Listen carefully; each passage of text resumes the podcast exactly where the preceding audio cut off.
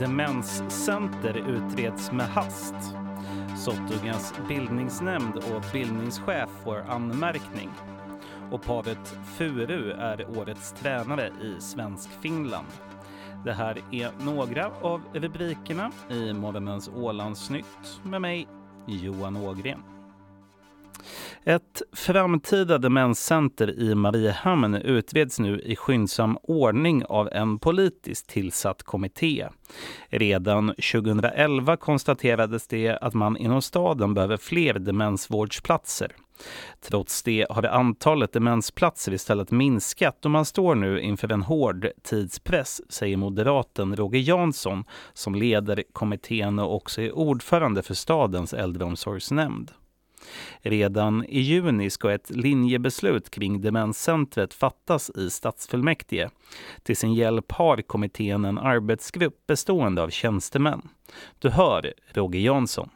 Ja, kommittén har, eh, kommer att träffas nu varannan var tredje vecka och den här arbetsgruppen har redan inbokat eh, 15 möten en gång i, i veckan framöver. Så det ska jobbas med, med stor frenesi. Och, och, det, och det är mycket som ska göras. Vi har några huvudalternativ som vi ska, ska utreda. Men sen finns det också andra alternativ och det finns alternativet med samarbete med, med Jomala kommun. Och eh, vi har också program nu, ett ganska detaljerat program hur vi kommer vidare med att eh, utreda också olika privata alternativ som kan vara dellösningar. Vi hör Roger Jansson, ordförande för kommittén som nu utreder ett demenscenter i Mariehamn. Siffror från OHS som visar hur många demenssjuka över 65 år det finns på Åland visar antalet 300 för hela Åland och 142 för Mariehamn. Men hur många demenssjuka finns det i staden som redan är intagna på ett boende? Vi hör Roger Jansson igen. Vi har 72 som sagt var boende hos oss. Men bara 30, 32 specialplatser för demensvården. Så att de andra bor på vanligt effektiverat serviceboende då. Så att vi har en helt otillfredsställande situation i Mariehamn när det gäller äldreomsorgsboende generellt. Men, och, men alldeles särskilt när det gäller demensvården. Så att eh, som jag ser det, vi har idag 100, 140 boendeplatser. Och eh, inom en tioårsperiod så behöver det öka med 100. Och där är demensplatserna eh, då huvuddelen av, av behovet. Det säger moderaten Roger Jansson som är ordförande för kommittén som utreder ett framtida demenscenter i Mariehamn. Han är även ordförande i stadens äldreomsorgsnämnd. Reporter här det var Martina Eriksson. Sottungas utbildningschef och bildningsnämnd får anmärkningar av landskapsregeringen för brister i ordnandet av tillsynen för hemundervisade. Bildningsnämndens anmärkning bottnar i att man inte följt lagen i anställningen av tillsynslärare som ska kontrollera kunskapsnivån på hemundervisade barn samt för förfarandena vid ett möte förra året då man valde att inte gå vidare med Mariehamns avtalsförslag om att köpa in tillsynen från dem. Utbildningschefen anmärks för de brister landskapsregeringen upptäckt kring själva tillsynen av hemundervisade under våren 2023. Något som inte ska ha åtgärdats enligt en utredning. En man döms av Ålands tingsrätt för skjutvapenbrott. Det var i november 2023 som mannen ertappades med att ha förvarat ett hagelgevär utan vapentillstånd hemma i sin städskrubb då polisen gjorde en husrannsakan. Mannens tillstånd för hagelgeväret hade gått ut för en dryg vecka innan husrannsakan och städskrubben var i strid mot skjutvapenlagen, olåst. I en skolåda i mannens garderob återfanns också 190 hagelpatroner. Mannen menar att han glömt att förnya sitt vapentillstånd och inte heller fått någon påminnelse om att tillståndet gått ut. Han har också trott att vapnet och patronerna förvarats korrekt. Mannen som erkänt handlingen döms till 60 dagsböter på totalt 420 euro och ska också betala brottsofferavgift till staten på 80 euro. Domen har ännu inte vunnit laga kraft. Eckerölinjen har vunnit priset som bästa rederi 2023 vid Grand Travel Award som delades ut i Stockholm den 15 februari. Marknadsdirektör Maria Hellman Arneo säger i ett pressmeddelande att det är första gången man får utmärkelsen och att man är stolta och glada. Det är personalen som är kärnan i vår produkt och det är deras insatser som ligger till grund för detta priset, säger hon i pressmeddelandet. Grand Travel Award är en gala som ordnas för aktörer inom reseindustrin och inom kategorin bästa rederi var också Viking Line, Tallink Silja, Stena Line och Destination Gotland nominerade.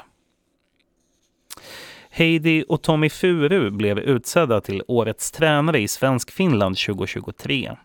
Skidtränarna Heidi och Tommy Furu var nominerade i kategorin Årets tränare tillsammans med Martin Grandell som bland annat är spjuttränare och tränare i Vasaregionens idrottsakademi och Andreas Rönnberg från Raseborg som tränar flera handbollslag i BK46. På söndagskvällen offentliggjordes vinnarna i de olika kategorierna i ett program på Yle 5.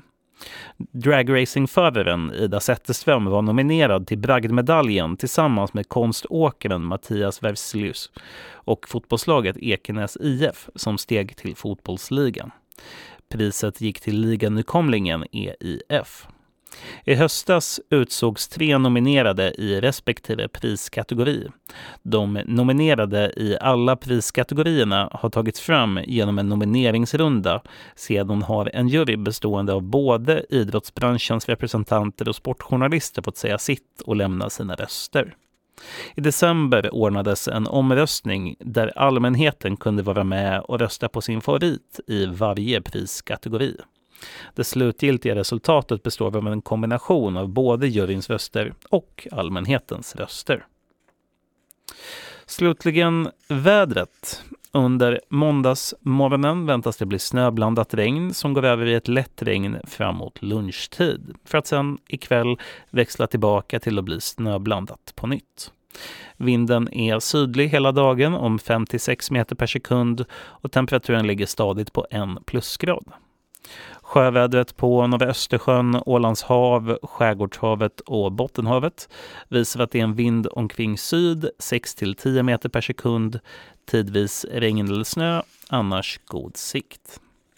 Och morgonens väderobservationer visar att det på Utö klockan 20 över 7 var en sydlig vind om 8 meter per sekund och en temperatur på en halv plusgrad.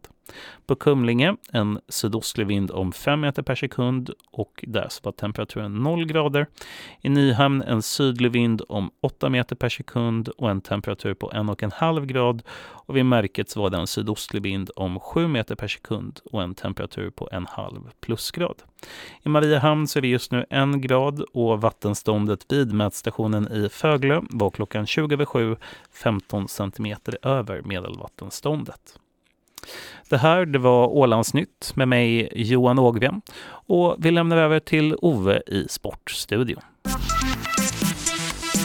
Ja, välkomna till måndagens Sportnytt där vi ska försöka sammanfatta en väldigt händelserik sporthelg. Det har varit publikfest, det har spelats fotboll och det har tagits FM-guld. Ja, det finns precis hur mycket som helst att berätta om. Och vi börjar naturligtvis då med den ädlaste av valörer, ett guld i finländska mästerskapen. Och det kom i curling, för nämligen så vann lag Lindström när mästerskapet eh, spelades i hallen i Eckerö i helgen. Det var endast tre lag som gjorde upp om eh, medaljerna. De tre lagen möttes två gånger och lag Lindström var klara mästare redan med en match kvar att spela. Och skippern Janina Lindström var naturligtvis glad över guldet.